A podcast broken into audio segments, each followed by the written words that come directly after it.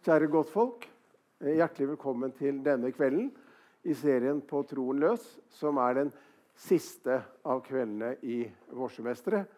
For vi vet at når våren kommer til Vestlandet, da vil folk være ute. Mellom rododendron og festspill. Da er det vanskelig å få folk til å komme inn i de mørke rom, sånn som her. Men ennå er det april, og gledelig at dere er her sammen med Olaug Nilsen og meg i, i dag. Så er det noe jeg skal huske på å si. Og Ragna Sofie, du vet hva jeg skal huske på å si? Det var det. Sånn fungerer det mellom oss. Jeg bare ser på Ragna Sofie, og så sufflerer hun med en gang. Olaug Nilsen vil eh, signere bøker etterpå. Blir det her oppe, eller blir det nede? Ja. Og det er vel da denne boka her, da, vil jeg formode, som vi tar utgangspunkt i, som hun vil signere. Ja, Nå har jeg allerede nevnt navnet ditt et par ganger. Da er det på tide å ønske deg velkommen. Takk. Vi gir henne en god applaus.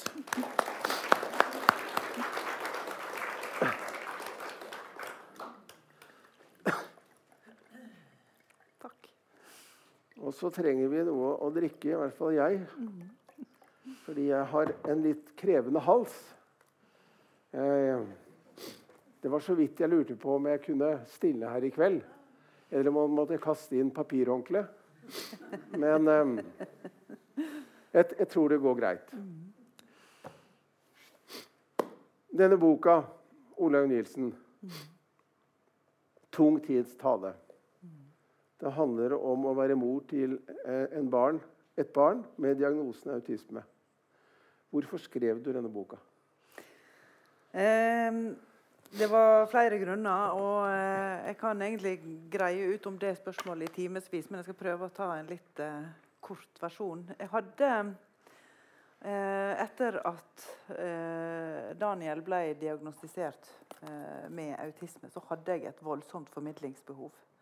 Det var veldig påtrengende for meg å få lov å fortelle om hvordan vi hadde det, og hvordan han hadde det, og hva som skjedde med han, til alle rundt meg. Men jeg opplevde, og det tror jeg egentlig kommer litt fram i boka òg, at det var vanskelig å nå fram til andre med mm. mine fortellinger om Daniel og om oss. Um, jeg syns at veldig mange av de jeg snakka med, trakk seg unna, trakk seg tilbake igjen og ikke orka å høre på det eh, vi fortalte. Uh, og jeg fikk en sånn Jeg hadde en sånn følelse av at det vi hadde, måtte være hemmelig. Eh, og det var en veldig tung følelse. Det var en tung ensomhetsfølelse i det. Mm. Fordi at eh, Eh, vi, vi, fikk det jo ikke bedre av, at, av, å prøve å holde det hemmelig hvordan vi hadde det hjemme. Så det var det ene. Eh, men samtidig så, så hadde jeg jo Så syns jeg jo at eh, det var et personvernsspørsmål. Å skulle skrive. Og ikke bare å skulle skrive om han, men òg å fortelle om han til andre. For hva har andre rett til å vite? Um, i hva grad skulle jeg skåne han uh, fra fortellingen om seg sjøl. Um, ehm, men etter hvert som uh, tida skrev fram, og jeg begynte å oppdage hvor vanskelig det var å få hjelp i en situasjon som vår, så ble den trangen til å fortelle enda mer påtrengende. Det var to politiske saker i Bergen kommune som jeg har særlig engasjert meg i. Um, og Det ene er kampen for å få lov å beholde Tveiterås skole. Uh, og den uh, kampen har egentlig pågått helt siden 2014. Og Tveiterås skole, det er Det er en spesialskole. Det er mm. den eneste mm. rene spesialskolen i Bergen. Mm. Um, og i den kampen så opplevde vi, ikke bare jeg, altså, men flere foreldre opplevde at det var vanskelig å få politikerne som skulle ta de beslutningene, det var vanskelig å få politikerne til å forstå omfanget og alvorlighetsgraden eh, av eh, utfordringer som barna på den skolen faktisk har. Eh, og når vi fortalte om det, så ble ikke det forstått som argument for å få lov å beholde skolen. Det ble derimot forstått som at vi tagg politikerne om trøst og omsorg. At vi ofte ble møtt med Ja, vi skjønner at dere har det tøft. Altså, og, og, det var jo ikke det vi ville høre. Vi ville høre vi skjønner at det trengs en skole som tveiter oss for å legge best mulig til rette for deres barn. Um, men for å få både politikere og opinion til å skjønne det, så hadde det, best, det beste jo vært å stille opp med ungene i media. Men det var det heller ingen som ville. Nettopp pga. det her med personvern og at det er vondt og sårt å utlevere sine barns mest såre og svake sider. Uh, og I tillegg så har Bergen kommune i 20 år og dette er det flere i salen som vet mer om enn meg, men i 20 år så har det vært en lang boligkø for eh, psykisk utviklingshemma. Og den eh, Boligkøen for voksne med psykisk utviklingshemming den forplanter seg til barn og unge som trenger avlastningsplass. Fordi de voksne som ikke får bolig, de blir gående og tar stor plass i avlastningsinstitusjonene. Det var en stygg måte å si det på, men jeg, jeg tror dere forstår hva, hva, hva jeg mener. Så det er eh, fremdeles i dag 100 voksne i kø for å få bolig. Og jeg har fått vite at det er 117 barn i kø for å få avlastningsplass.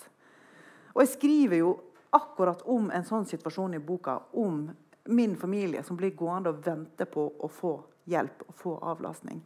Og Det er jo en helt konkret politisk problemstilling i kommunen vår. Men der òg. Altså, for hvorfor trenger noen avlastning? Det er sårt å trenge avlastning. Det er sårt å ta imot avlastning. Det er en tung beslutning. Mm. Uh, og en føler skam og skyld sjøl, og andre kan påføre skam og skyld. Og det er jo ikke nødvendigvis utafra. Det kan være andre som har uh, barn med utfordringer, og som sjøl ikke ville valgt en sånn løsning, eller som sjøl ikke trenger en sånn løsning. Dette ble et veldig langt svar. Men poenget var at, altså, hovedpoenget er at jeg jeg, måtte, jeg, følte jeg måtte skrive. Jeg følte at noen måtte fortelle denne sida av historien. Og at det var ikke for å eh, eh, Det var ikke for å utlevere, det var for å fortelle. Sånne som oss trenger hjelp. Vi kan ikke bli gående i månedsvis og vente og vente. og vente. Vi kan ikke bli gående og føle at vår historie er for skamfull til at andre skal ta del i den. Så det, er, det var en sånn derre ja, I denne sammenhengen så kan jeg jo si at det var et kall, da. Mm. det, høres, ja. det, er litt for pompøst, altså. Vi pleier, å, vi pleier å snakke sånn her. Ja, ok. ja. Mm. ja. Mm. Um, dette selvbiografiske det legger du jo ikke noe skjul på. Nei. Det er du som er moren til Daniel. Mm. Og bo, boka er jo dedisert til Daniel. Ja. Og det er jo ja, Det er en utilslørt selvbiografi. da. Mm. Litt sånn som Knausgård. ikke sant? Han, han forteller jo sin fortelling. Ja. Uh, og Noe av det som gjør at jeg blir så beveget av det du skriver, er jo råheten i teksten. da. Du legger jo ingenting imellom. Nei. Uh, og så vet jeg da at det er sant. Mm. Uh, mange kunne jo dikte i hop mye rart. Mm. Men dette er selvopplevd, det er erfart, og det er gitt videre langt på vei tenker jeg, som en type rop. da. Og det er det som gir det styrke mm. så, som tekst. At det ja. også er biografisk. Ja, takk. Og det er jeg enig i. Og det var viktig. Uh, altså jeg tenkte jo også, altså Med den politiske begrunnelsen som jeg hadde for å skrive boka, mm. så var jo òg det selvbiografiske elementet veldig viktig. For det mm. hadde jo ikke hatt den samme gjennomslagskraften Nei. som fiksjon. Uh, og uh, ja, så Jeg er helt enig i det. Altså. Jeg tenker òg at det var nødvendig at det hadde nærhet til virkeligheten. Um, men for meg var det òg viktig at boka skulle ha skjønnlitterære kvaliteter. Um, og det ja, for du er jo forfatter. Ja, og det var jo eh, ja, og, og det var, Du skriver jo. Ja, det var yrket mitt. Og lenge ja. så fikk jeg jo ikke til noe som helst. Jeg, jo, jeg, hadde jo Det eneste som var i livet mitt, var jo å være omsorgsperson. Mm. Så det var jo òg en grunn til at det var viktig for meg at jeg skulle få til yrket mitt. At det var òg en motivasjon for meg. At jeg måtte få det til å være bra. Um, og så dessuten så er det jo uh, Altså uh, Det var jo litt sånn at jeg skrev mye i sinne. Jeg satt mye, og jeg pleier å illustrere det med å gjøre sånn. Og det var litt sånn, altså. Men mye av det måtte jeg jo stryke. Sant? fordi at det, det, var jo ikke Det, var jo ikke, det heter jo altså- vanligvis touch-metoden. Ja. Men eh, det var slagemetoden. ja det var, eller sånn som et kattekloremetode, kanskje. ja, nei, men, men, eh, men det var viktig å forme det sånn at det skulle være mest mulig lett å, å, å, å møte for en leser. da. Altså, for, og stoffet er jo tungt, så jeg tror ikke det er lett å lese sånn sett. Men, men eh, at jeg skulle forme det på en sånn måte at det gikk an å, eh, eh, å, å ja, ja, å forstå det på en lett måte og ta det til seg på en lett måte. Det er ikke ei fagbok. Det er ikke en, en eh, eh, Det er ikke en sånn eh, typisk personlig berettelse. Det er jo forma. Det er jo gjort noe Det er jo gjort litterære valg, da. Det er det. Ja. Men det som uh, slo meg uh, da jeg leste boka di, uh, og, og, og særlig i begynnelsen, hvor du liksom kjemper både med erkjennelsen av at han er en autist, og dette formidlingsbehovet ditt, da, som du jo snakker om, det er en stor ensomhet. da. Ja. At du må ha kjent deg veldig aleine med dette her. ja, det gjorde jeg. Jeg gjorde det, altså. Jeg, jeg, ja. Eh, og og eh, i det der at en eh, altså En må jo komme skikkelig innafor før, en møter de andre familiene som har det på samme måte, og blir kjent med dem. Eh, men sjøl da, eh, når en kommer inn i et sånn type miljø, så kan en fortsette å kjenne på den ensomheten fordi at den gruppa er utafor. At vi som gruppe, vi familiene som har det sånn, vi er for oss. Og så er de andre, den store majoriteten, de er liksom utilgjengelige. Eh, ja. Og du opplevde da at de som tilhører den store majoriteten, de syns det er vanskelig å snakke om dette her. De trekker seg unna. ja. Hva Ja. tror du det kommer av?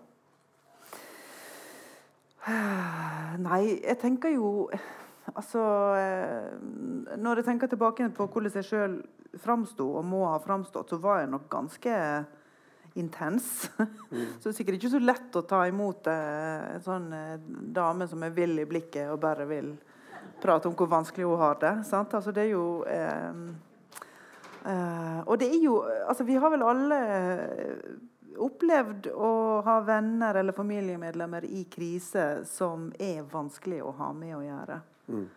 Um, og det har vært viktig for meg å formidle i boka at jeg tror ikke Olaug Olaug, sier jeg nå, ikke jeg. Jeg tror ikke, jeg tror ikke Olaug var så lett å ha med å gjøre heller.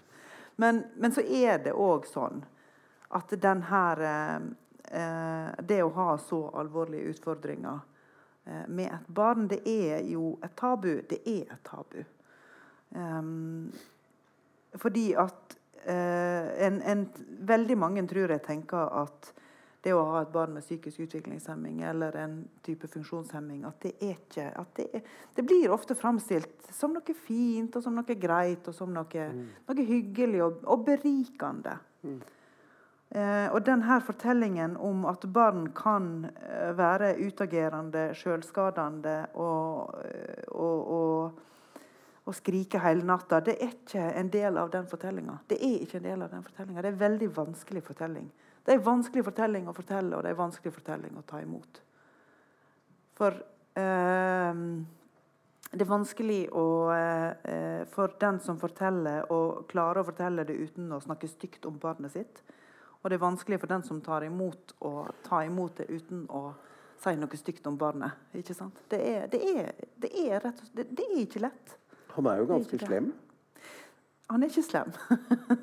Men han, opp, han Eh. Mm. oppfører seg jo veldig som et slemt barn når han, når han vil bite deg, f.eks. Og Ja. han slår og han bråker. Og, Ja. Men, øh, men han er ikke slem. Han har autisme. Det er jo det. sant? Jo, men altså, Ja. Når jeg sier slem, så er jo det i Ja. anførselstegn. Fordi Ja. vi møter jo dette med moralske kategorier. Ja, det er jo nettopp det. For det er jo de vi har Ja. vanligvis når vi Mm. bruker som vi bruker. Ja. Og det er, øh, og det er vanskelig å eh, Altså, jeg bruker jo sjøl Hvis jeg skal enkelt forklare vår situasjon, så sier jeg f.eks. et vanskelig barn. Et vilt barn. Sant? Altså en eh, eh, for å, Og det er jo for å si noe av omfanget av utfordringene. Men jeg veit jo, og det er jo en erkjennelse som kommer gradvis Jeg veit jo at det er diagnosen som gjør det. Mm. Og jeg veit jo at måten å, eh, å løse det på, altså løse det, gjøre det best mulig iallfall, det er å få til en tilrettelegging som, som fungerer. Um, for en sier jo at det er ikke barnet som er funksjonshemma, det er samfunnet som er funksjonshindrende. Eh, og det er, noe, for så vidt eh, eh, noe jeg har kjempa mye med. For jeg tenker jo at i tilfelle i tilfeller som Daniel, så kan ikke samfunnet ikke være funksjonshindrende. Mm. Altså, eh, en kan ikke ha spesialskoler til alle barn fordi noen trenger spesialskole. Det er litt sånne ting. En kan ikke slutte å ha eh, Eh, altså, å la folk gå fritt over Torgallmenningen, fordi da kan ikke min Daniel gå der, for det orker han ikke. Det tåler han ikke. Altså, for en rullestol kan en tilrettelegge for overalt. En kan ikke det for personer med så alvorlig autisme. Du forteller så. jo om uh, da du i barnehagen for foreldrene på et foreldremøte mm. uh, sier at han er, han er autist. Mm. Uh, hvordan reagerte foreldrene på det? Ja, altså eh, Den situasjonen som jeg beskriver, det er jo da et foreldremøte der eh, jeg har en liten baby, og jeg har ikke tenkt å si noe som helst. Jeg har bare tenkt å sitte i en krok og ikke blande meg inn i noe. Og la, alt, la noen andre få være medlem av FAU og bare åh, Jeg er trygg, jeg har baby. Mm. Men så er det da noen på det møtet som eh, begynner å spørre hvorfor det er en støttepedagog på gruppa. Mm. Og så tar det litt tid før eh, ja, Nå må jeg begynne å snakke om Olaug. da, Det er greit. selv om, eh, ja. At, så begynner Olaug å skjønne at ja, okay, det handler om oss. Det handler om oss. Hva gjør vi nå? Mm. Eh, og så eh, bestemmer Olaug seg for å si nei, det er oss. Det er vårt barn. Hun er, Støttepedagogen er her for vårt barn. Han har autisme. Og så, eh, og så blir jo da foreldregruppa urolig, og noen blir, noen blir forferda. Og, eh, og, sier 'Det har ikke vi fått vite.' Og blir redd. sant? Og så, eh, og så eh, prøver barnehagepersonalet å dekke over og glatte over og redde situasjonen. Da. Og så sier ja, nei, nei, men dere har informert, alt er på stell, alt er i orden. Men så fortsetter da de foreldrene å, å være redde da, og reagere. Um, så Det er jo en situasjon som jeg har beskrevet akkurat så klaustrofobisk og mm. skremmende som jeg syns det var den gangen vi opplevde det. Og um, det å, eh, det å um, altså, Det beste rådet en får da fra fagfolk, er jo å sjøl liksom, ta grep og kontroll og informere sjøl. Og stille seg opp foran barnehagegruppa og informere sjøl. Men det er ikke noe en må. Det er ikke noe en eh, eh, har plikt til. Ja. Nei, men eh, Ja. En, en, en, fæl situasjon var det jo. Ja. Det sitter jo mange her, tror jeg, som har erfaring enten fra egen familiesituasjon eller fra yrket som de har, eh, med barn som har særlige utfordringer. Og det som er felles eh, for eh, de som opplever dette her tett på, og det er jo først og fremst foreldrene, det er at de må slåss for barna sine. Mm. Og du er jo en løvinne, da. Som slåss for denne ungen din. Mm. Ja. Um, og du fremstiller jo hjelpeapparatet som Ja, det er jo ikke noe smigrende bilde du for så vidt gir av, av systemet. Og du slutter jo hele boka med et sånt offentlig skriv liksom, mm, av, mm. av verste sort, hadde jeg nær sagt. Ja. Um, vedtak om nødvendige helse- og omsorgstjenester. Vi viser til søknad om omsorgslønn datert da, da, da, mottatt ved forvaltningsenhet da, da, da, og viser til møte og tidligere vedtak. Da, da, da. Altså, det er jo null empati her mm. for, for, for, det som du står i. Ja. Og så er jo slutten det er ikke innvilget omsorgslønn, jf. lov om helse- og omsorgstjeneste, paragraf 3 ledd 6. Mm. Hvordan har det vært å, å ha med dette vesenet å gjøre?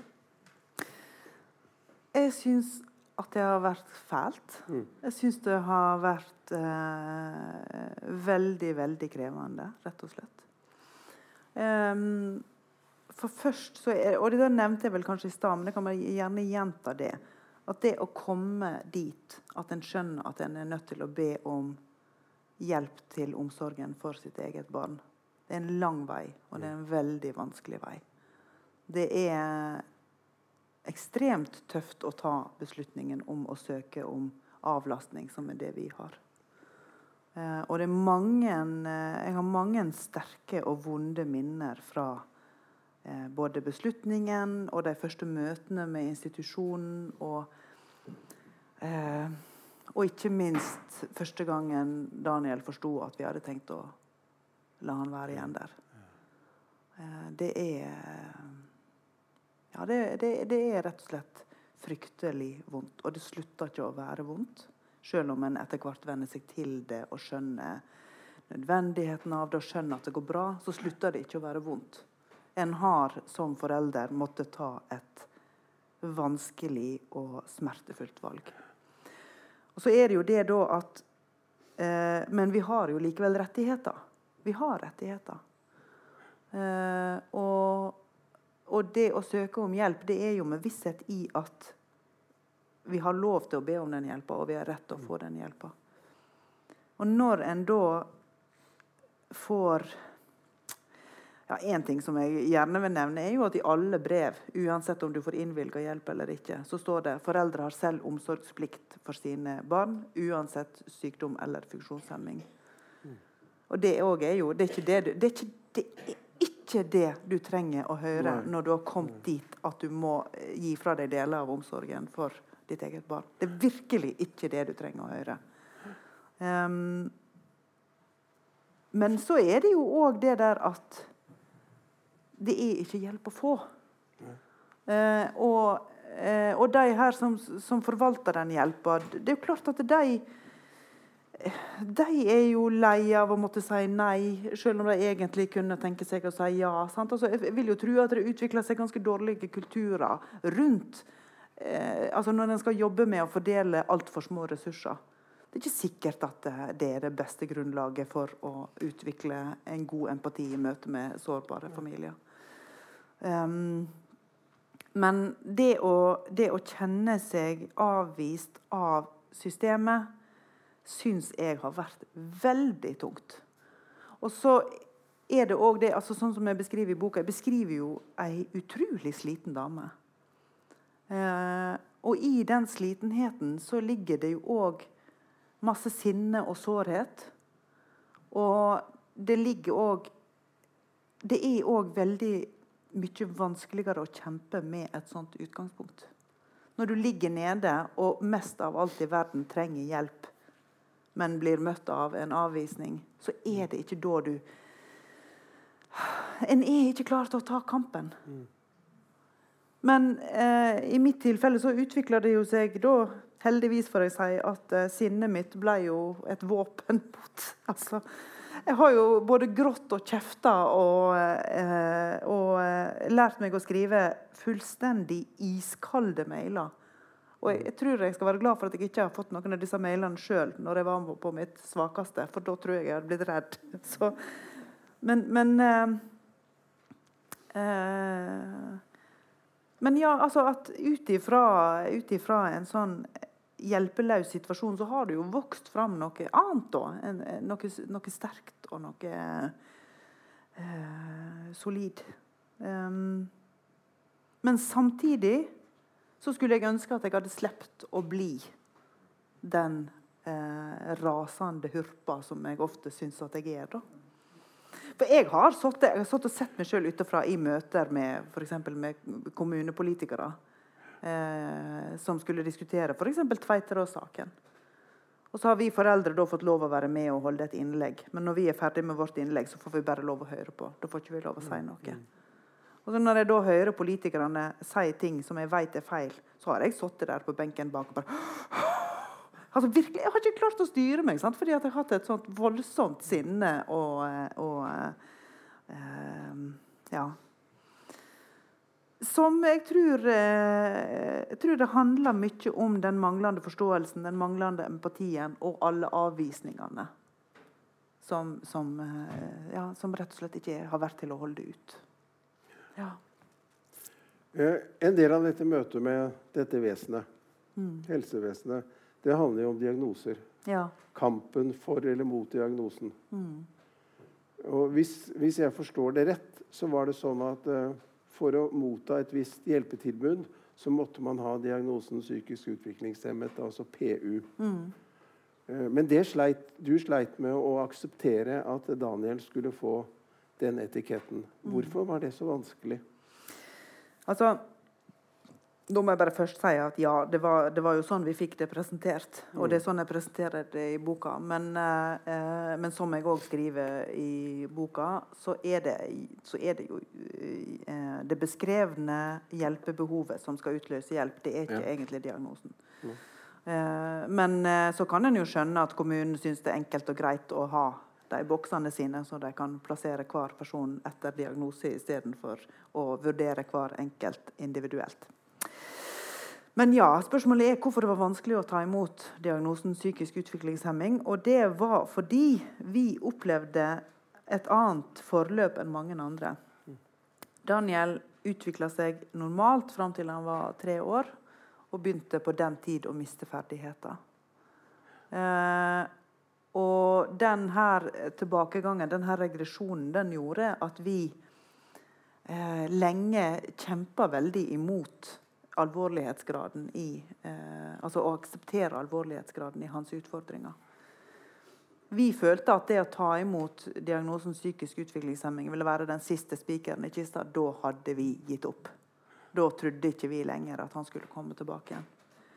Og, eh, for det var jo det vi trodde, at han skulle komme tilbake igjen. Vi, vi, så jo for oss at han satt som en innestengt liten gutt inni mm. en kropp som ikke lenger eh, altså, En kropp som forråder han, da. En hjerne og en kropp som forråder han. Mm.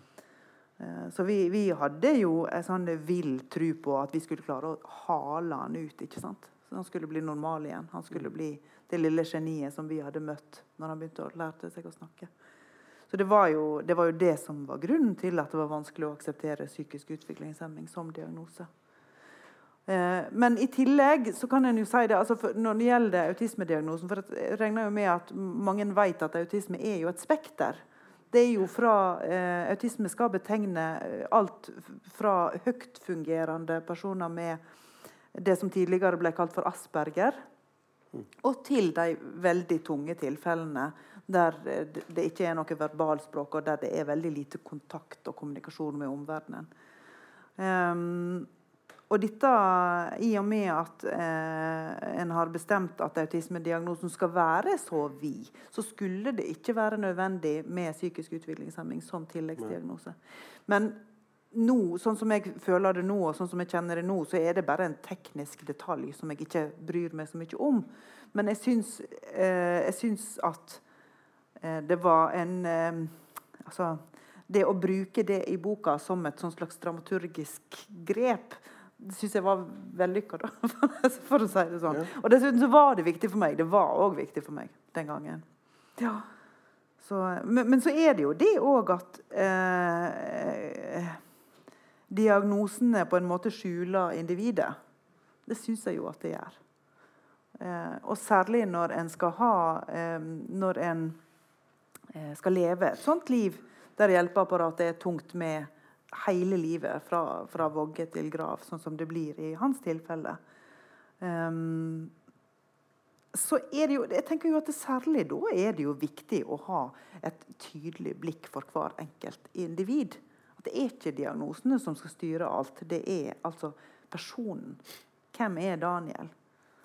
Han er jo mer enn autisme og psykisk utviklingshemming. Og subklinisk epileptisk aktivitet og ADHD og alle de andre som, diagnosene som er da ramsa opp i boka. Mm, mm. Ja. Men det er vel sånn at det, eh, den behandlingen du får, er jo da bestemt av den diagnosen du har fått. da. Altså, så Når du har mm. satt en diagnose på, på et menneske, så har du også et løp som indikerer at sånn skal vi håndtere vedkommende. Og du skriver jo her om en autismebehandling som mm. han som du tenker dette må Daniel oppleve som veldig krenkende. Mm, mm. Kan du si litt om hva for en type behandling det var?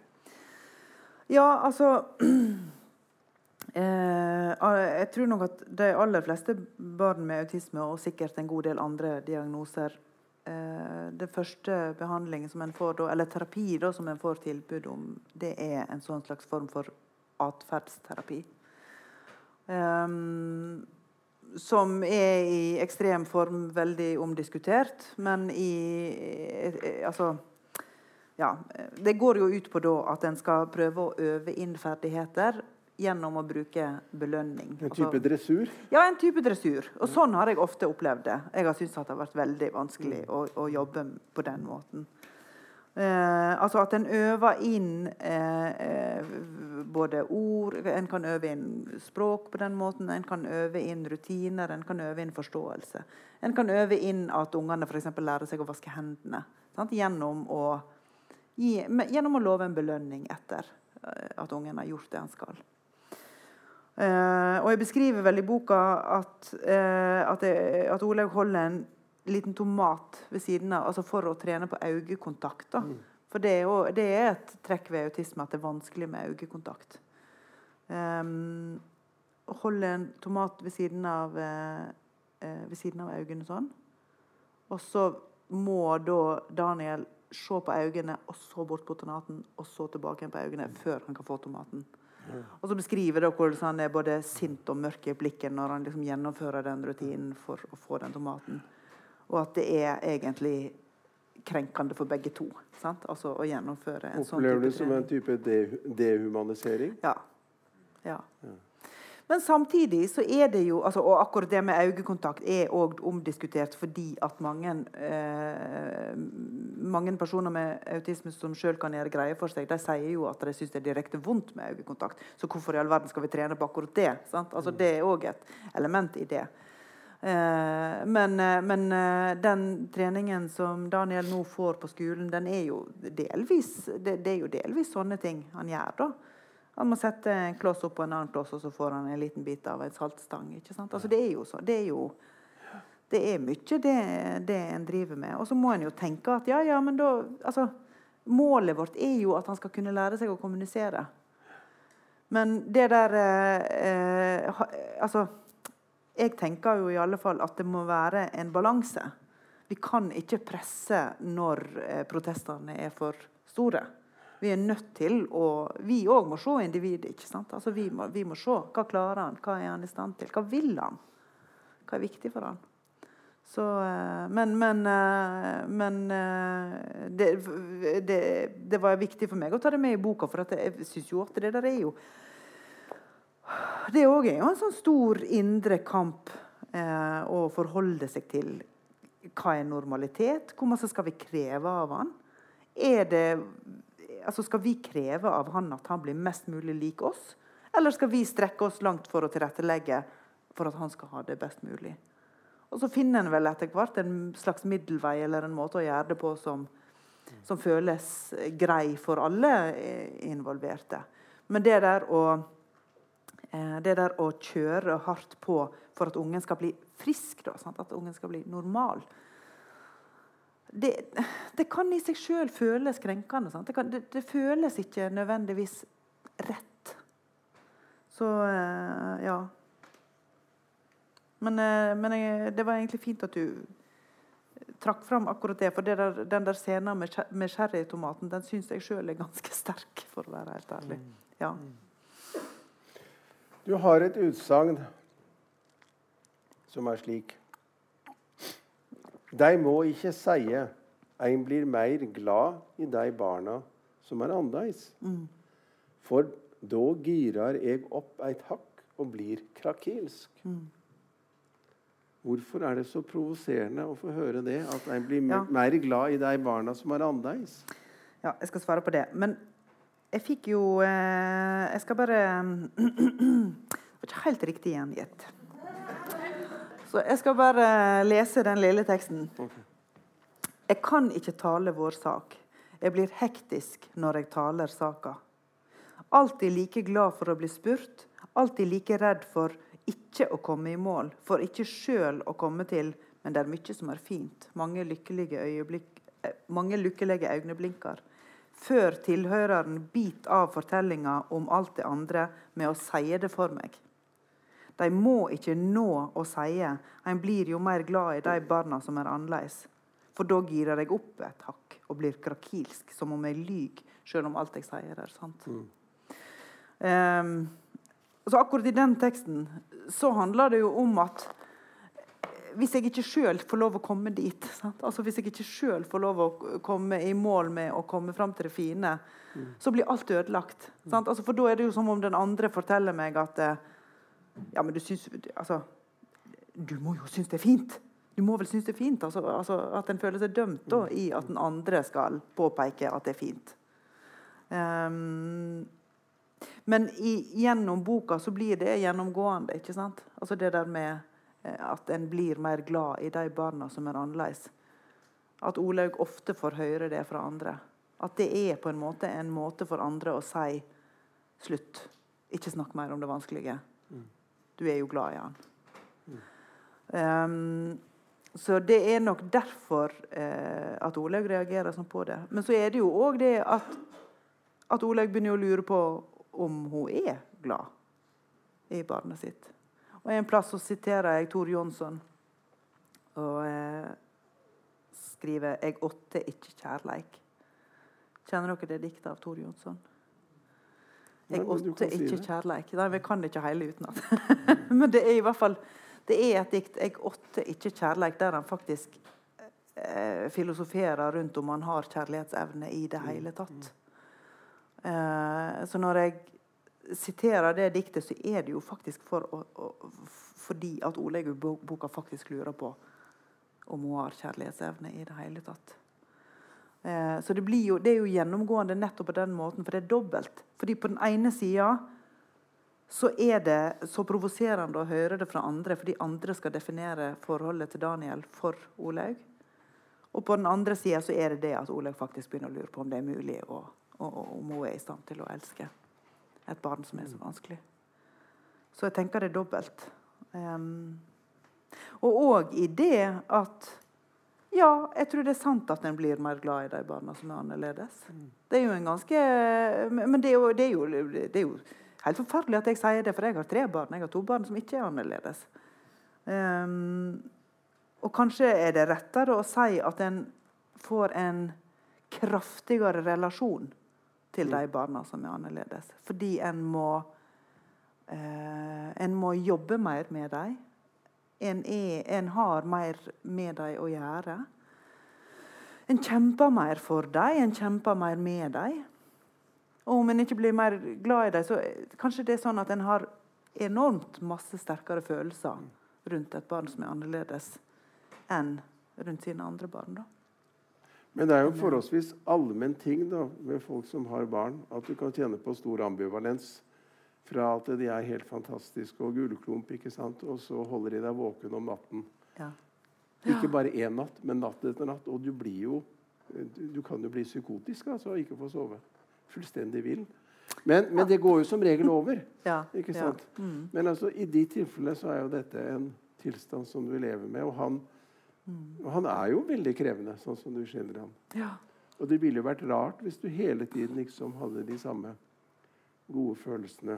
Mm. Og noe av det som jeg tenker er vanskelig, og som du også skriver, og det vil jeg gjerne be deg lese litt om, det er det som står på side 111.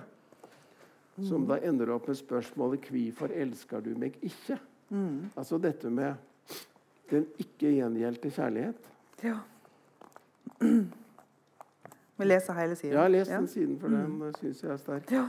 Begynner med å øh, Olaug har kommet til psykologen for å snakke om sinnemestring. Det var en velmeinende og blid psykolog. Hun var så smilende at jeg knapt har sett maken. Og jeg tenkte det er en impuls.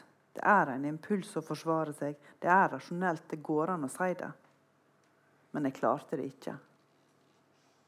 Selvsagt er det en stor kamp å overvinne impulsene sine. Hvis jeg ikke kan akseptere dette for meg sjøl, vil jeg aldri klare å akseptere det for deg. Men jeg klarte ikke å si fram sinnet mitt. Jeg sa fram fortvilinga isteden. Han har hatt en kraftig regresjon. Ingen trodde på oss. Psykologen var forferda. Hun forsto ingenting av livssituasjonen min, og hun sa det helt tydelig. Jeg vet ikke hva jeg skal si. Dette er tøffe erfaringer. Jeg var nøyd med det for ei stund. At hun var maktesløs, fikk meg til å føle meg sterk. Det fikk meg til å føle at jeg forsto noe som hun ikke hadde innsikt i. Og jeg vokste i mine egne øyne. Men meistringskjensla ble knekt hver gang jeg ikke klarte det likevel. Hver gang jeg ikke klarte å møte slaget i ansiktet med vennlig ro, men i stedet heiv meg mot veggen med hovedet først og brølte ut alle mine såra kjensler. Hvorfor elsker du meg ikke? Ja. Ja, det er, det er jo voldsomme greier. ja. Det er det.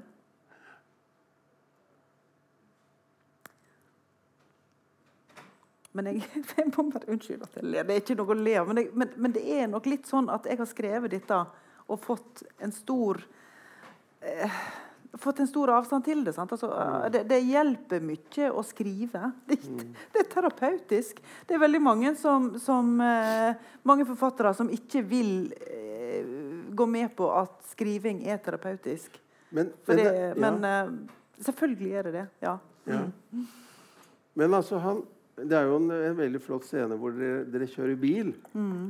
Og han sitter i baksetet og synger, ja. og så sier han 'Jeg elsker deg'. Og, så, og så blir du liksom veldig overrasket over det. Så skrur du ned uh, lyden på musikken, og så snur du deg og så sier du tilbake til han 'Jeg elsker deg også'. Og så skjønner du plutselig at uh, det, var, det var vel en tekst i sangen. Ja, ikke i den sangen som var på, på radioen der og da, men at, men at han Men han- har han Men at han, at han herma en, en, En sang, sang, som han har hørt. Ja. Ja. ja. Ja. Og, det, og det er jo noe som òg er en sånn dobbelthet i. ikke sant? Fordi at eh, mange, som, mange med autisme, de eh, de lærer seg enkelte fraser. ikke sant? Altså, og, og, og så kan en ikke vite da om de mener å si noe til deg, eller om de bare hermer noe som var godt å si, eller lå godt i munnen, eller hadde en fin klang. ikke sant? Men jeg tenker jo altså for Vi har flere episoder eh, som jeg ikke skriver om i boka, men som altså For eksempel så var det en gang jeg hadde vært ute med Daniel, og han var, hadde putta masse pinner og steiner i munnen, og jeg hadde mista tålmodigheten og kjefta på han. Og når vi kjørte i bilen hjem igjen, så sang han eh, med en sang av De musikalske dvergene 'Jeg gjør så godt jeg kan'. Og det er Ja. og, så, og, så, og, og, og da tenker jeg at selvfølgelig skal jeg da Selvfølgelig skal jeg tolke at det mener han å fortelle meg. Altså Noe annet ville jo være direkte ufølsomt. Eh, og, eh, og da må jeg jo òg få lov til å tolke Ja, det eh, at når han synger at han At elsker, han elsker deg, at han elsker meg, så må jeg få lov å ta det til meg og, Ja. og, og tro på det. Men, men selvfølgelig, sant? vi vet jo ikke. Det er jo nettopp det der eh, Når en ikke får en eh, normal kommunikasjon med et barn, så er det krevende som forelder. Det er det, altså. Det er det. Uh, ja. Og i enkelte uh, altså enkelte uh, barn uttrykker seg jo aldri. Sant? Altså at en får ikke noe tegn. En får ikke noe, en får ikke noe respons tilbake igjen. Eh, og det er vanskelig å leve med. Det, og det tror jeg for mange er minst like vanskelig å leve med som det praktiske omsorgen. Det å ikke bli møtt på kjærligheten sin. Ja. Du kan jo ikke helt sammenligne det med et kjæresteforhold der den ene gir mer enn den andre. Eh, men eh, men da, eh, da må en jo gå, sant? Hvis en, hvis en eh, eh, ja, hvis en, hvis en ikke blir elska i et For kjærlighetsforholdet har jo en valgfrihet ved seg. da. Mm. Men det å få barn har jo, det er ikke noe, det er ikke noe frihet i det. Nei, det er ikke det, altså. Det Så er virkelig en skjebne. Ja, det er det. Um, jeg har lyst, lyst til at du skal lese en, en, en bit til, som jeg har merket ut for deg her. Um, og det handler om en nabo Ja. som reagerer på Daniel. Det det er en nabo av eh, meg i salen her i dag. Det er ikke, det er ikke, Jeg tenkte du kunne lese der, derfra Ja, da kan jeg ta det i din. Ja. til ditt. Mm. Les den fortellingen der. ja. Det er, ikke, det er ikke den naboen som er i salen her i dag. Altså for Å, å- du har naboer Ja, for jeg Ja, nei, det er en annen nabo, da. Så de er sagt. Men, men så må jeg også si at den naboen, den, den gjeldende naboen Jeg har snakka med den gjeldende naboen, og vi er venner, og vel, for, vi er venner og vel forlikte. Ja. Naboen tok det opp med oss en gang, at han sov så lett at han ofte våkna av lydene dine og ikke fikk sove igjen. Du hadde vært vaken den natta også. Du hadde åpna vinduet, du hadde lirka beina ut den, i den smale åpninga og satt i karmen og laga høye lyder samtidig som du klaska på glassruta med håndflatene. Dette visste jeg naturligvis, selv om jeg ikke hadde hørt deg med det samme. Jeg lå med ørepropper etter avtale med faren din, men han hadde sovet så tungt at han ikke hadde våkna.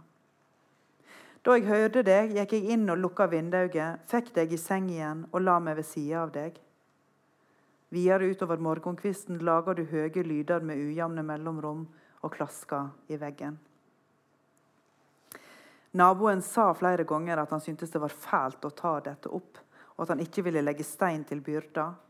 Men han sa også, da jeg fortalte at nattevakinga gjorde at vi streva med å få det til å gå rundt med jobb og ansvaret hjemme, at ja, det er en hel jobb å være mor. Jeg hadde egentlig ikke tenkt å tolke disse utsegnene, men det var for seint. Jeg hadde alt tolka dem. Han fordømte meg. Jeg var ei dårlig mor. Jeg burde slutte i jobben. Jeg la til rikelig med frustrasjoner og fordømminger fra hans side. Jeg så for meg hvordan frustrasjonene og fordømmingene bredde seg videre i vennekretsen og i nabolaget og i butikken og i barnehagen og på SFO-en og på skolen og på legekontoret. Ikke lag deg historier om noe du ikke kan vite, formante jeg meg sjøl, men helt likevel fram en hel gåtur mot løvstakken. Sånn tenker han nok. Det og det betyr det han sier. Det og det tenker hele nabolaget. Ja. Ja. Altså denne kommentaren hans Det er en hel jobb å være mor. En nærliggende tolkning var jo at det er godt ment. da. ja, ikke sant? Ja. Eh, at han vil uttrykke empati. At han forsøker å sette seg inn i din situasjon. ja. Men du opplever dette som en fordømming. Og samtidig så har du en indre diskusjon gående med deg selv. Det behøver ikke være sånn. Det sier jo hodet ditt. Ja. Mens magen sier eh, nei. Ja. Alle ser på meg, og alle Mm, peker ned. ja. Si litt mer om, om den opplevelsen. Ja, for jeg tenker jo at det er veldig mye i boka som, eh, som viser fram hvor krevende Olaug er å forholde seg til. Altså, og, og jeg tenker jo at veldig mange av situasjonene eh, der hun anklager andre for å fordømme henne, der er det hun som pro projiserer egen, sitt eget elendige selvbilde over på de andre. Eh, og, eh, og så er det jo særlig det der med at det er en hel jobb å være mor, fordi at mye i boka handler jo òg om det der eh, å gi fra seg omsorgen. sant? Eh, og, og måtte ofre sitt eget, ofre sin egen jobb for å eh, eh, Altså for å være omsorgsperson. Og hva er rett? Hva er moralsk rett? Hva er, altså det, det, det, alt, henger sammen. sant? Og så særlig det der med å være mor, og at det skal være en jobb. Det er veldig viktig i boka. Eh, om, om eh, Og Senere i boka så er det en sekvens med å brette klær, der det òg blir, der Olaug reflekterer rundt om det er en jobb. ikke sant? Og, og trekke inn det å være kunstner, og hva slags jobb er det, osv. Så, videre. så det der, eh, de der refleksjonene rundt hvor mye den morsrolla og omsorgsrolla skal kreve, er viktige. Men òg den der følelsen av at alle andre ja, syns at vi er en forferdelig familie, og at vi er dårlige, og at vi, er, liksom, at vi får ikke noen ting til. Som er veldig sterk og påtrengende. Så det Og jeg virker tenker jo også at, ja, og, altså, For det der med En blir jo mer glad i de barna som Mm. er annerledes. At det òg er jo opplagt at det er godt meint. Det er jo godt meint. Men der òg er det liksom den første nærliggende tolkingen er åh, de vil ta meg. De vil ta meg. Sant? Altså, ja. Du går med en indre anklage, og Mm. alt som gir næring til den, det blir forsterka. ja. Det er jo ikke noe ålreit. Nei, det er ikke det, er ikke det altså. Det er jo ikke det. Eh, det som slår meg gjennom hele denne boka, det er jo dette, denne løvinnen da, Mm. som du fremstår som. Um, og det går jo igjen her. Vi ga oss ikke. Mm. Stå i det, står det en sted. Ja. Er det det som er på en måte summen av dine erfaringer? Mm. Du må stå i det. Du må kjempe. Ja, det er jo på en måte redningen òg. Ja. Den eneste løsninga, den eneste redninga, er å klare å stå i det. Eh, men en, en, annen, en annen konklusjon er jo at det går ikke uten at noen utenfra kommer og hjelper til. Eh, men, eh, men at men, i det der å, å bestemme seg for å stå i det, eller å skjønne at det å stå i det er det eneste mulige løsninga, det, det ligger jo en aksept for situasjonen i det. Sånn er det. Sånn blir det. Sant? Vi må stå i det. Ehm, så um, uh, men, men, men det òg er Det er ikke alle som kommer dit. Det er ikke alle som klarer det. Eh, og det òg er en tung erkjennelse. Sant? For det at selv om eh, ja, en sånn ressurssterk familie som, som oss, som, eh, som ikke bare klarer å stå i det, men som òg Jeg tenker jo at det at jeg faktisk våger å vise fram alle disse sårbarhetene og dårlige sidene, at det har jo vist seg å være en styrke. At det har jo vist seg å, å, være, å være det som faktisk løfter meg ut av hele fortvilelsen. Og løfta meg ut av, av mørket. Um, og vi skulle jo, Hvis jeg kan få lov å altså, komme inn på noe nådefullt i det, da Jeg tenker jo at det er der nåden ligger, i å akseptere sin egen svakhet. Mm. Uh, og jeg uh, har jo uh, Jeg har jo forlatt kristendommen, selv om jeg er vokst opp i en kristen familie. Men jeg, jeg, er vel kulturelt kristen, da, på en måte, for jeg har jo med meg veldig mange av begreper og lær, læresetninger og, og, og, og rettesnorer. Da. Og for meg har nåde vært veldig viktig. Eh, det, og særlig i den situasjonen her.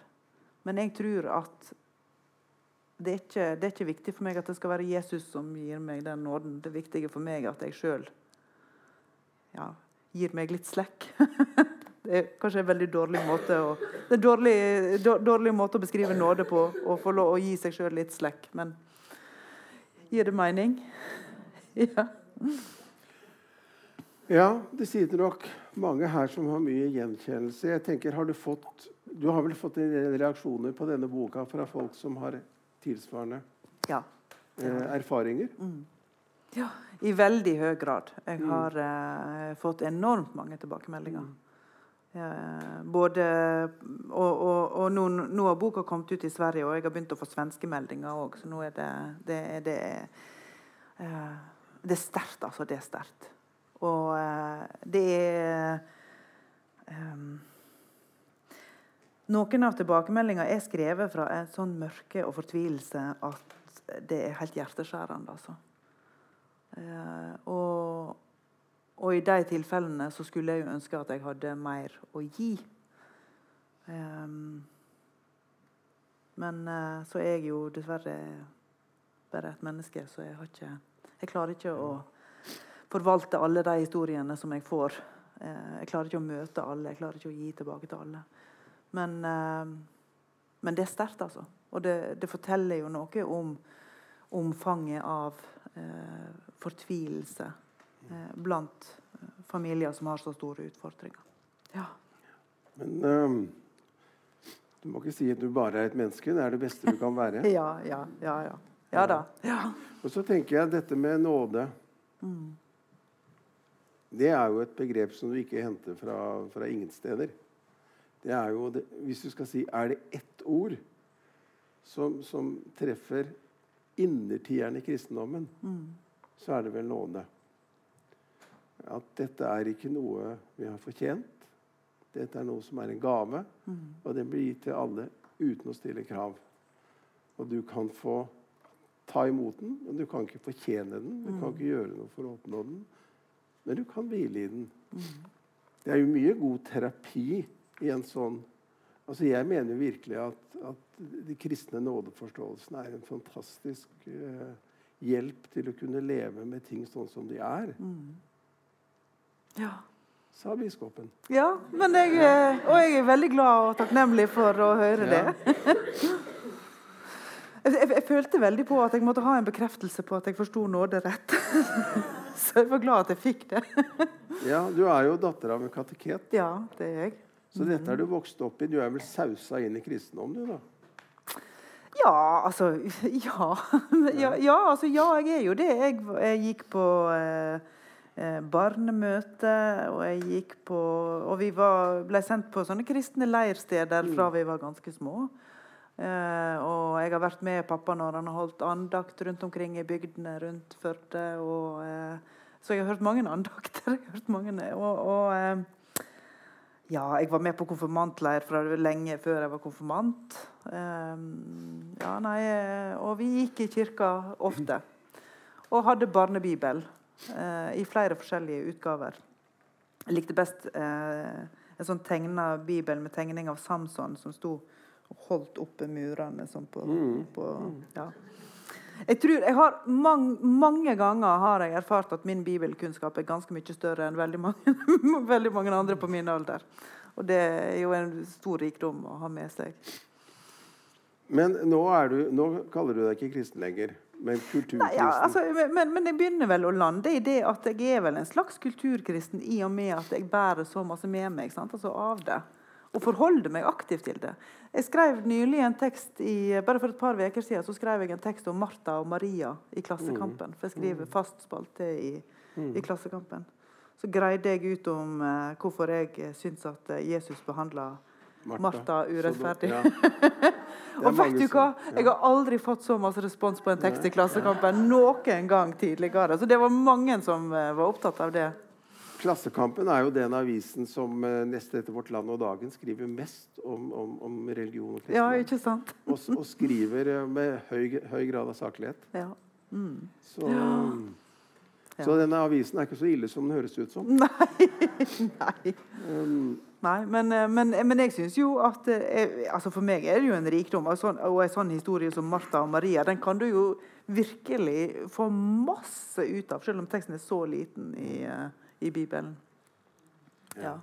Det er jo helt tatt en god del av disse tekstene i Bibelen eh, Fortellingen om Martha og Maria, fortellingen om den barmhjertige samaritan, eh, som jo er ja, Og om den bortkomne sønnen. Altså, mm. De to vil jeg vil si, er noe for seg selv. Den bortkomne sønnen og den barmhjertige samaritan. Og det henger jo veldig godt sammen. Ja. Som er, Det fins ingen fortellinger som har vært så formende på mm. vår kultur som de to. Og de er helt fantastiske. De er jo ganske korte. Mm. Og det er nesten Hvis du leser, så er det nett, veldig få adjektiver der. Det er bare ja. en fortelling altså, ja. som i seg selv er så sterk at uh, den setter dype spor. Mm. Det er rett og slett gode eksempel. Så det, ja. å, det å lese gode bibeltekster kan jo gi deg tro på at en tekst kan skape noe. Mm. Ja. For det, er, det har det gjort. Men jeg vil jo si at det er håp for deg, da, Olaug. For du skriver jo her i denne ja. boka, som jeg også har lest i dag, faktisk, mm. 'Nesten frelst' av Sigvart Dagsland. Ja. Som du skrev for ti år siden. Ja, det er ti år siden, faktisk. altså. Ja. Som jo er en veldig han har sagt søt bok om. Eh, om ei ungjentes fascinasjon for Sigvart Dagsland. Og og, og, og, din kamp med Sigvart. Ja. Eh, for du syns jo at han gjør liksom kristendommen altfor laus og altfor ja. omgjengelig og altfor trivelig. Og han sliper vekk alle kanter, og det er jo bare subjektivt. Og det er jo sånn hjerte, hjertereligion og sånt. Eh, så du, du skriver et sted her at Skal vi se Nå må vi bare få det rett. Eh, dere diskuterer eh Gud, da.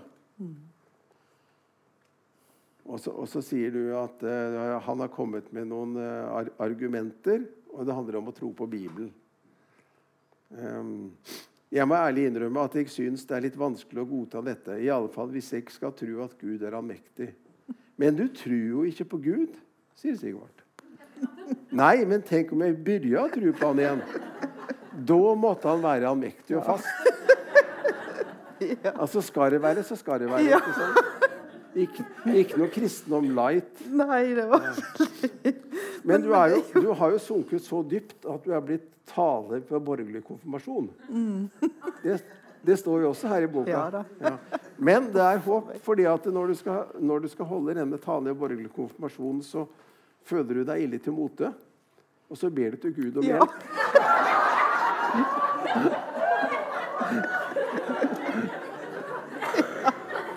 Og da, og da kviknet jeg til. Ja, ja.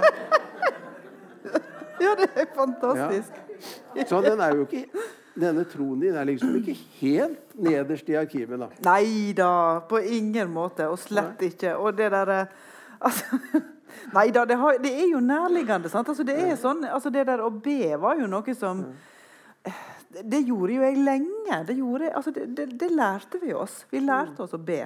Eh, og og eh, da var jo det en nærliggende måte å, å, å ja, å løfte seg sjøl, som jeg da vil si at jeg syns jo at det er det, det, det er. Det tenker jeg at det er det, det er. Altså, men Ja, det var jo nærliggende. Og jeg syns jo sjøl at det var jeg jeg var ikke redd for å skrive det i den boka, for jeg tenker jo at jeg, jeg trenger ikke å legge skjul på den oppdragelsen og den oppveksten jeg har hatt. Det har vært, jeg syns ikke den har vært negativt formende. Jeg syns det har vært bra. Jeg, eh, og, og jeg syns at eh, jeg òg ble respektert og tatt imot når jeg bestemte meg for å forlate det. Men i mange år etter at jeg meldte meg ut av eh, statskirka, som jeg jo gjorde delvis som et ungdomsopprør når jeg var 16 år Det, det kan jeg lett innrømme i dag. Eh, eller lett fnisende innrømme i dag. Men i mange år etterpå så, så gikk jeg jo i kirka. Jeg, får, jeg likte godt å synge salmer. Jeg likte godt å sitte i kirkerommet og, og, og, eh, eh, og Altså, ja. Og særlig de der eh, påskesalmene om oppstandelse syns jeg jo var helt fantastisk å synge med på. For de var jo virkelig oppløftende. Men det å si, og synsvedkjenninga, den var jeg opptatt av at den var det viktig for meg å si, og kunne si fram. Og det, det ja, Jeg vet ikke om jeg klarer å sitere den her og nå, men, men, eh, men jeg kan godt Altså eh, jeg, tror, jeg tror i boka så, For jeg har intervjua Bjørn Eidsvåg i boka òg, og at han sier at det er en god mentalhygienisk øvelse å, å innrømme sine synder. Mens trosvedkjenninga, den kunne jeg liksom ikke lenger da si fram. For det ble mer en sånn, det ble en falsk erklæring for meg da. Ja. Så eh, Så både bønn og nådebegrepet er liksom først og fremst eh, en type sånn eh, selvterapi, da. Uff, det hørtes så smått ut. Nei, men altså, du Ja. ber jo for på en måte å løfte Ja. deg opp, ikke sant? Og du, og du kjenner at det er godt å hvile i nåden. Men det kan jo hende at det er, noe, at det er noen realiteter bak dette. Ja. Men hva var, det som, hva var det som gjorde at du oppga alt dette her, da? Altså eh, jeg, tenker jo at det er sammensatt. For, fordi på den ene sida så er det jo sånn som jeg skriver om i, eh, i boka om Sigvart, at det handler jo eh, Altså f.eks. om, eh, om eh, eh, syn på homofile og, og, og syn på abort. Og, altså flere sånne kontroversielle saker da, som det er vanskelig å, å finne seg i. Nettopp det der allmektige og det harde. Sant? Altså eh, og, og så òg at eh, etter hvert som jeg blir eldre og utvikler meg og leser og tenker og, og kommer videre, at jeg, at jeg lander vel mer i en sånn eh, I en humanisme enn i en kristendom. Eh, og, eh, og at det å ha altså jeg tenker at det å ha Jesus som forbilde er noe annet enn Enn å ha han som frelser. Ja. ja. Det er det. Ja. Eh, men, men den der eh, Men òg frelsesbegrepet er jo sånn at jeg kan tenke at eh, Ja Forløsning høres slapt ut i forhold til frelse, men altså hvis du kommer fram til en erkjennelse sant, og føler at å føle et løft gjennom en erkjennelse eller en eh, aksept, som i den boka. ikke sant, at Det ligger jo ei det er jo en slags frelse i tungtidstale, tids tale i det å erkjenne og liksom å lande i en, eh, en aksept av situasjonen. Eller forløsning, da, kan en si. Men frelse, jeg tenker nok at frelse er nok større og voldsommere enn en forløsning. da. Men, men, jeg blir redd når du spør sånn, for jeg blir så redd at du skal liksom komme fram til å ta, ta, meg liksom, Du er nok egentlig kristen. At du tror nok egentlig at det er selvfølgelig Fordi at, og det er jo noe sånn der, altså Det å grave i disse tingene her er jo ikke, det gjør jo ikke det hver dag. Det gjør jo ikke det hver dag. Men uh, ja. Men boka de slutter jo med at uh, han uh, Han synger, han Daniel, da. Ja. ja. Og dere synger vel begge to? Mm. Du kan lese det fra nederst på side 150 og ut. Og dette er da slutten. Ja. Så klatrer du over vasken, over på vasken, balanserer rundt kanten på servanten, sier 'englene fanns'. Men det er utydelig, så jeg ser oppfordrende på deg og spør hva du sa. Trodde englene fanns bare i himmelen, sier du. Og jeg begynner straks å synge. Jeg trodde englene fanns bare, bare i himmelen. Du svarer bare, bare i himmelen. Jeg trodde Daniel fanns bare, bare i himmelen.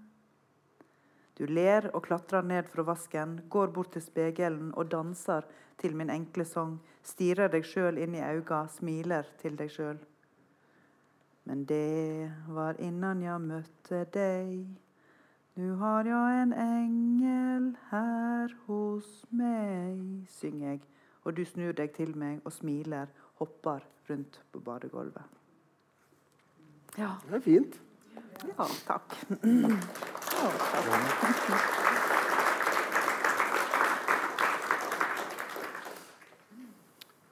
Englene er jo i, i kristen uh, sammenheng uh, budbærere. da. Mm. De kommer fra Gud fordi de vil fortelle oss noe. Mm.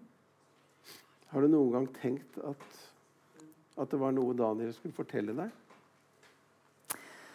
Ja, det har jeg nok tenkt mange ganger. Og noen ganger på en sånn eh, skyldtynga måte at eh, eh, At han var en slags straff for noe jeg hadde gjort feil. Eh, men, eh, men jeg har jo òg tenkt og erkjent at det å få en som Daniel i livet mitt har jo forandra meg. Jeg har blitt voksen. Mm. Og det er nok kanskje nesten en litt for enkel måte å si det på. for at Voksen hadde jeg vel kanskje blitt uansett. Men eh, eh, han har jo endra hele min måte å forholde meg til tilværelsen og til livet på, og hvordan jeg ser på meg sjøl, og hva min rolle i, i, verden skal være. Og, eh, og hvordan jeg tenker rundt eh, det å hjelpe sårbare mm. og svake mm. individ.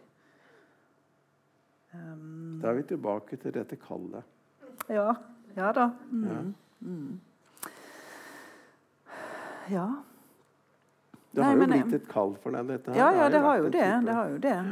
Og, og, eh, og, jeg føler jo at det er forpliktelse og, mm. og, og ja, og, forvalte den talerstolen jeg har mm. og har fått. Um, jeg føler ikke at jeg har uh, lov til å slippe tak i uh, min rolle som en som kjemper for, for de svake. Jeg kan ikke, altså Hvis det nå skulle skje et eller annet at kommunen trenerer prosessen med den nye Tveiterås skole, så kan ikke jeg ligge på latsida. Altså, da er jeg nødt ut, og, ut på barrikadene. og jeg føler virkelig sterkt at jeg har en forpliktelse til å si fra i forskjellige sammenhenger offentlig. For har, jeg har ei stemme. Jeg får lov å Jeg får eh, kronikkene mine på trykk når jeg sender dem til de største norske avisene. Ja, da skal jeg sende dem òg. Da skal jeg skrive dem og jeg skal sende dem. Så eh, ja. Så han har det jo Og så er det jo det der altså For jeg snakket jo litt om i stad at den vanlige fortellingen om å ha et funksjonshemma barn, det er at det er en berikelse. Og det er det jo. Mm. Det er jo det òg. Eh, men det kan jo ikke være den eneste måten å snakke om det på. Men det er jo klart at, det jo klart at altså, Jeg kjenner jo at jeg har uh, At ja, at, at, jeg har vært heldig som har hatt uh, dype erfaringer. Da, at jeg har måttet gå skikkelig tungt inn i meg sjøl og hvem jeg er og hva jeg skal være. At jeg har ja, at jeg har jo blitt gitt en anledning til å virkelig jobbe med hvem jeg, hvem jeg, er og hvem jeg skal være. Mm. Mm. Så ikke sikkert jeg hadde gjort det uansett. Ja.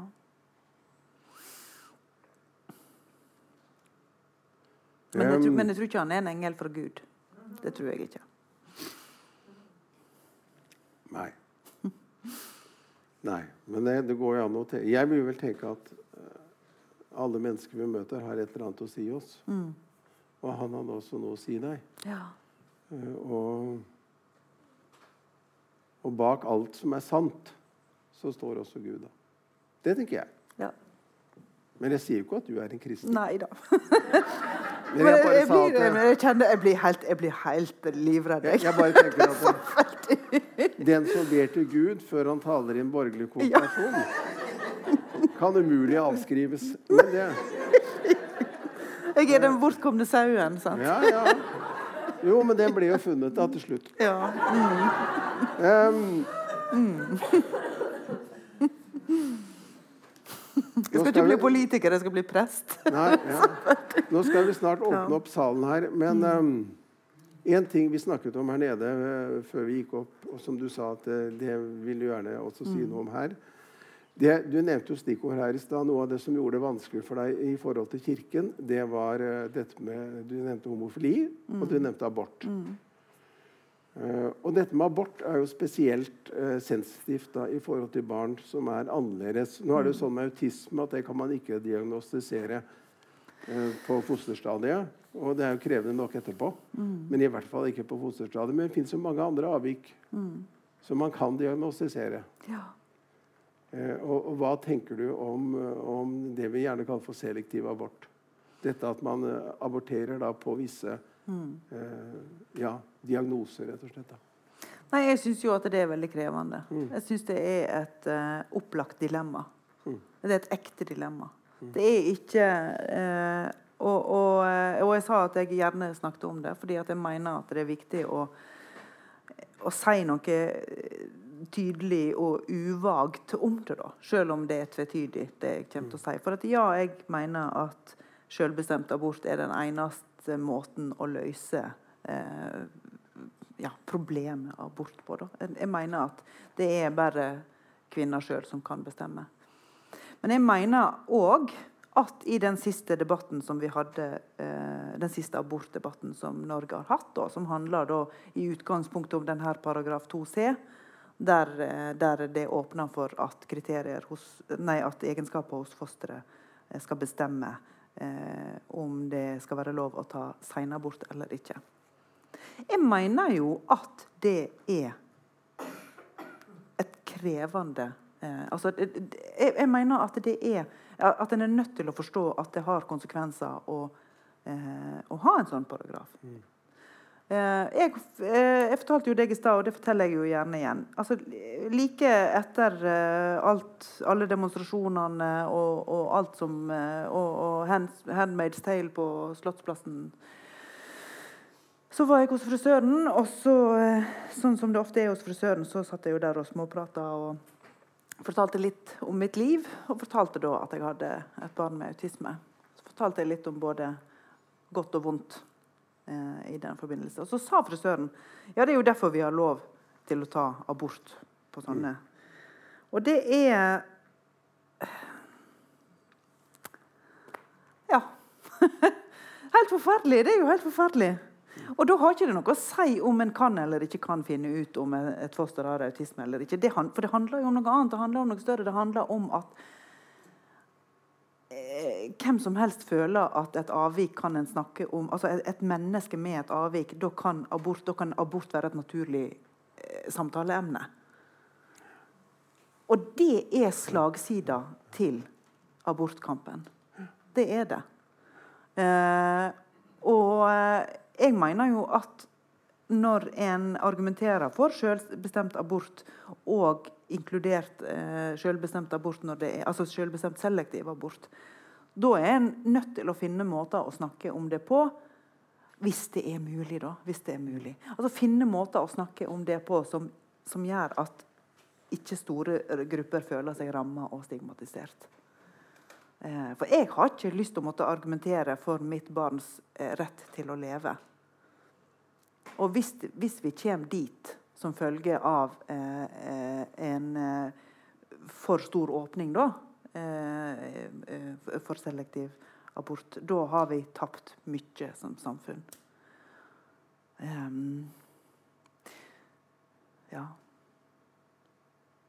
Og jeg tror jo at eh, altså når, Det å, være, å, tenke at det er selvbestemt abort for Da er det kvinner sjøl som bestemmer er jeg i stand til dette. Kan jeg klare dette? Kan jeg møte dette? Og det er noe annet enn at samfunnet sier vi ser helst at du ikke tar imot dette barnet med avvik. Det er to ganske forskjellige ting. Og en må finne en måte å lage de reglene på, sånn at ikke samfunnet sier vi ser helst at du ikke tar imot dette barnet. For men, det er, ja. Men det vil nok allikevel bli formidlet til mange, selv om mm. samfunnet nok ikke mener å si akkurat ja. det. Så er det klart at den forventningen kan jo fort komme at dette problemet kan du jo enkelt løse. ikke mm, sant? Mm, mm. Det er og, jo ja, og, en innebygd dynamikk. Ja, det er det. det, er det altså. Og det er mange veldig eh, helt forferdelige historier som blir fortalt. da. Mm. Eh, fra, fra, personer som har følt seg pressa til mot abort mm. eh, pga. et foster med avvik. Men så òg det motsatte. Altså det jo, og, og, og, da tenker jeg jo at akkurat i de situasjonene De kvinnene som er gravide og i en sårbar situasjon, de er litt sånn som Olaug i den boka. De vil tolke alt i verste mening. Mm. Så eh, ja. Og, de, og, de, og, nettopp av den grunn òg så må en jo faktisk ha formuleringer og måter å snakke om det på som ikke er ja, Som ikke er drepende for noen. da. Ja.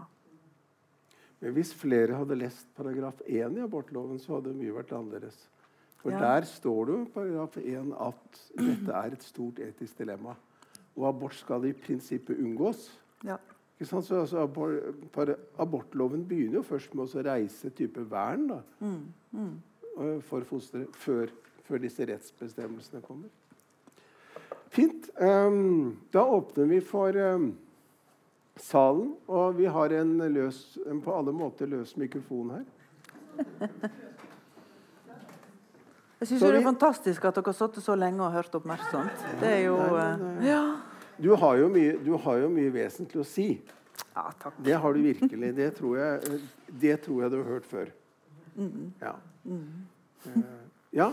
Uh, hvis noen vil gi et tegn, så får de en mikrofon. Kan de spørre om hva de vil, eller de kan kommentere eller protestere for den saks skyld. Mm. Skal vi ser Roar like ved siden Torf, eh, Torfinn. Du hører, ok. Roar like bak deg har eh, vinket med hånden. Ja, jeg heter Roar Strømme. Vi hilste på hverandre tidligere. Eh, tusen takk for boka. Teaterstykke også. Mm. Merker dette her skrevet både med blod og blekk. Mm.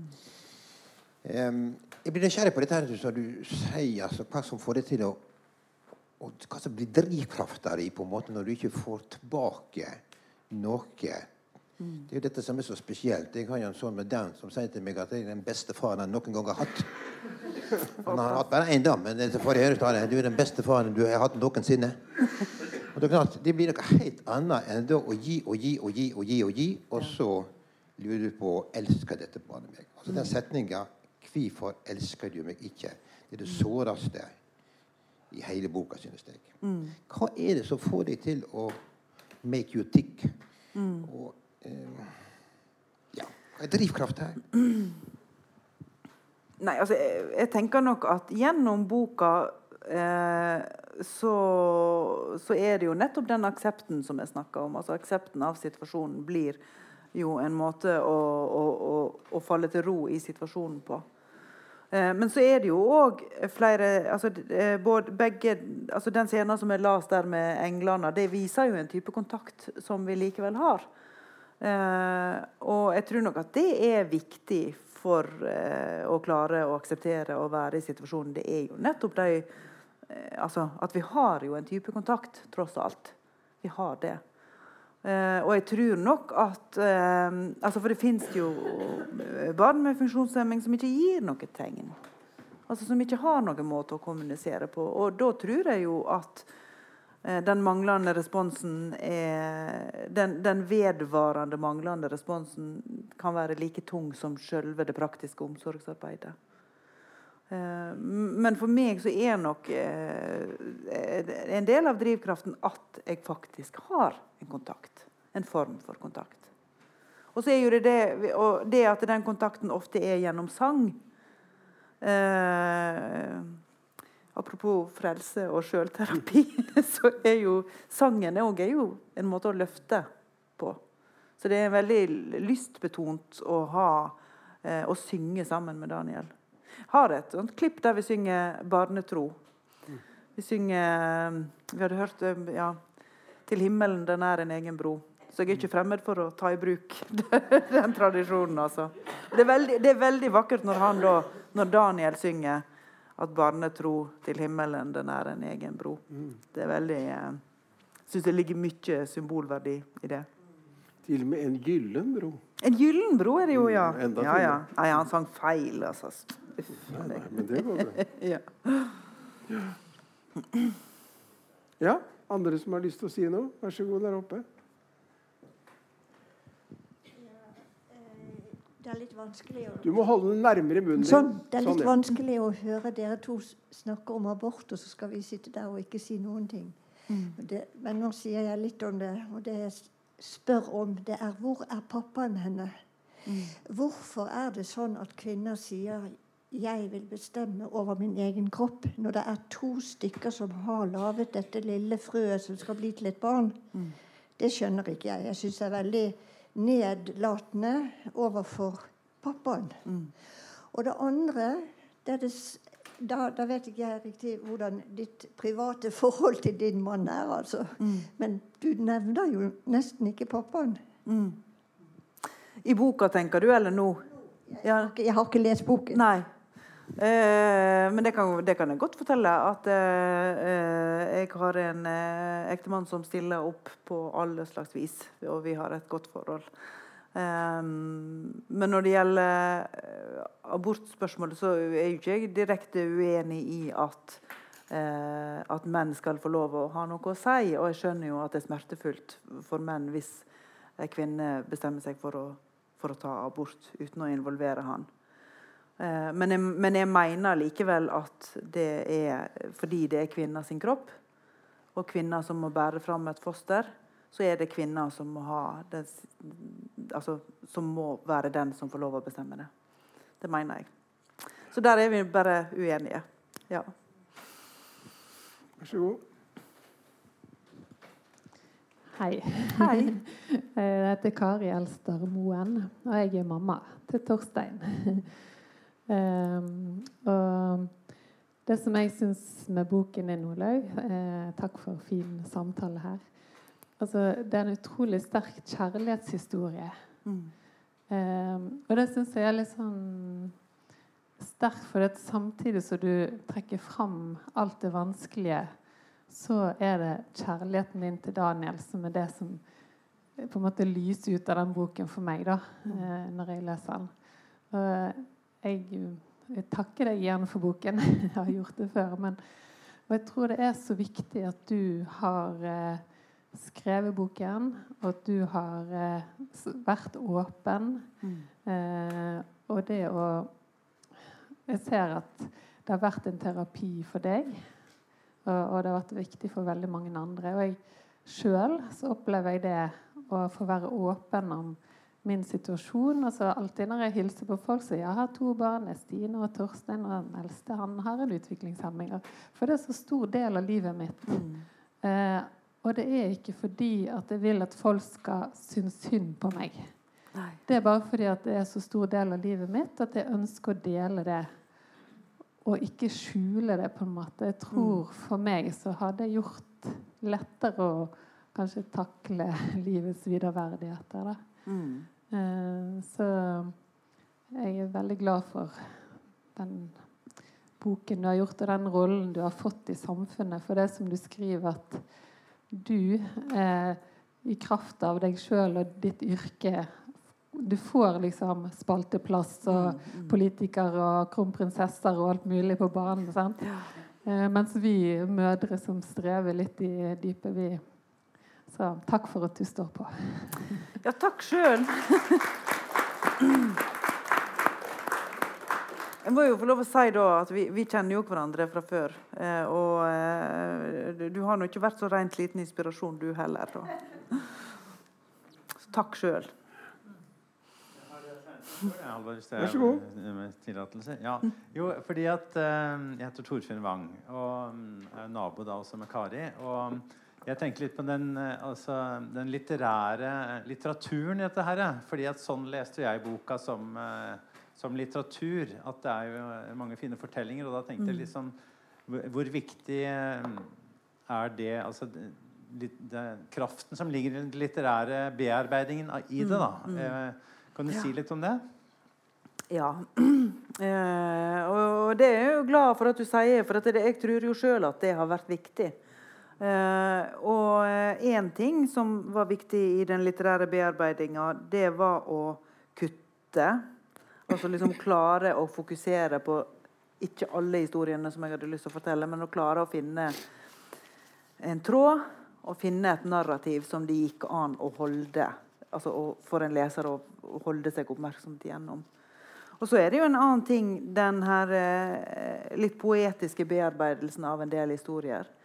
For er det en tekst i boka som jeg sjøl er veldig glad i, der jeg skriver om at Daniel klatrer opp en stein og sier 'dette er gjøkesteinen'. Og det har skjedd i virkeligheten. Og så beskriver jeg videre i teksten da hvordan jeg prøver å klatre opp og være sammen med han på gjøkesteinen, men ikke får kontakt og bare må klatre ned igjen.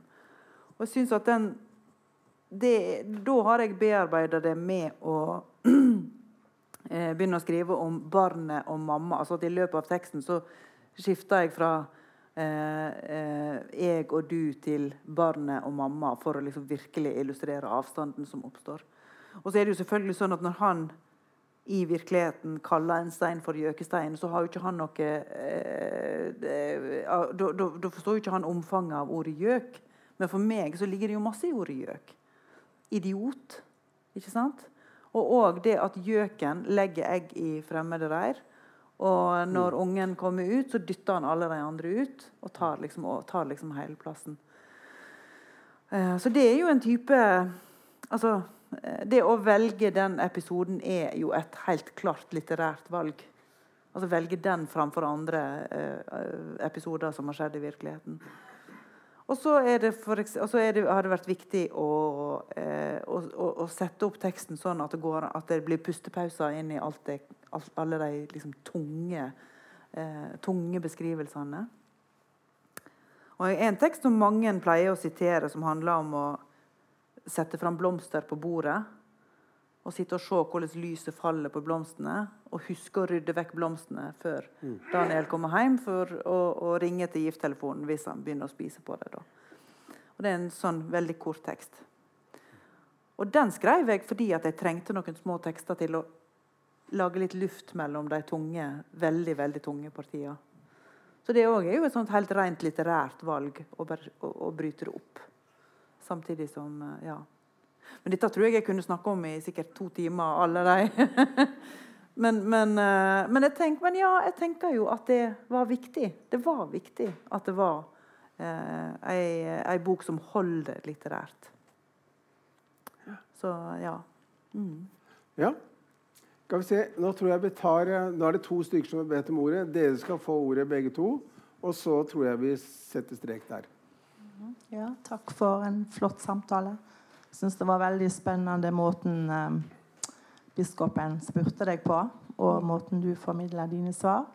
Jeg har ikke lest boka, men jeg får jo lyst til å lese den. Men eh, jeg, eh, og jeg kjenner meg igjen i veldig mye av det som blir formidla i forhold til andre ting. da. Ja. For det er jo det vi kan gjøre når vi leser, at vi kan eksemplifisere det. Um, og, men jeg, for meg ble det litt sånn trist at vi skulle bringe inn abortspørsmålet. Jeg syns det var så flott, det som var, uten akkurat den biten. da. For i, i abortspørsmålet så er det for meg så mange ting som ikke blir snakka om. Jeg hører til de som har hatt flere ufrivillige aborter, og jeg har tatt abort på medisinsk grunnlag. Og hva det har gjort med meg som menneske. Eh, så ja. Men så hadde jeg lyst til å si én ting til, og det var til dette at du Han sier at ja, du ba til Gud om hjelp til å holde den talen. Og hvorfor det? Og da må jeg bare si noe om min enkle gudstro. Selv om her er både biskoper og prester og litt av hvert i salen, så er jeg så frimodig og så sier at jeg tror alle mennesker er skapt i Guds bilde. Gud og Jesus har ikke forlatt deg. Det er du som kan ta imot det som var skapt. Ja. Så enkelt er det. Ja, men det tar jeg, jeg tar med meg. Det er fint. Takk. Tusen takk. Så var det der foran, og så Ja. Ja. Mitt navn er Kristine Bech Sørensen. Og tusen takk for ærligheten. Eh, Jeg må si jeg har gjenkjenning på utrolig mye i det du sa. Eh, Som mor til et barn Ja, ja, også med flere diagnoser, og i den retning som du forteller om. Og jeg likte veldig godt Unnskyld, Halvor Nordhaug, da du tok biskopen vår litt i skole og eh, parkerte ham på det at det ikke er Daniel som er slem. Det er nemlig helt riktig. Em, jeg har mange ganger måttet ta tak i det og si til folk som heller ikke forsto min og min manns reaksjoner, at hør nå her, det er ikke vårt barn som eh, er et vanskelig barn. Det er vårt barn som har særdeles vanskelige diagnoser. Og Hvis ikke dere skjønner det, så kan dere like godt stoppe og tenke at dere kan gjøre noe fornuftig her. Mm. Jeg tenker at Det du fikk frem her, det er jo nettopp mangfoldet i vårt samfunn. På hvilken måte gir vi plass? Og Der tror jeg at, disse, at våre barn nettopp er talerør for at vi får større aksept for dette mangfoldet. Uansett på hvilket grunnlag det er. Tusen takk skal du ha. Ja, tusen takk. Ja.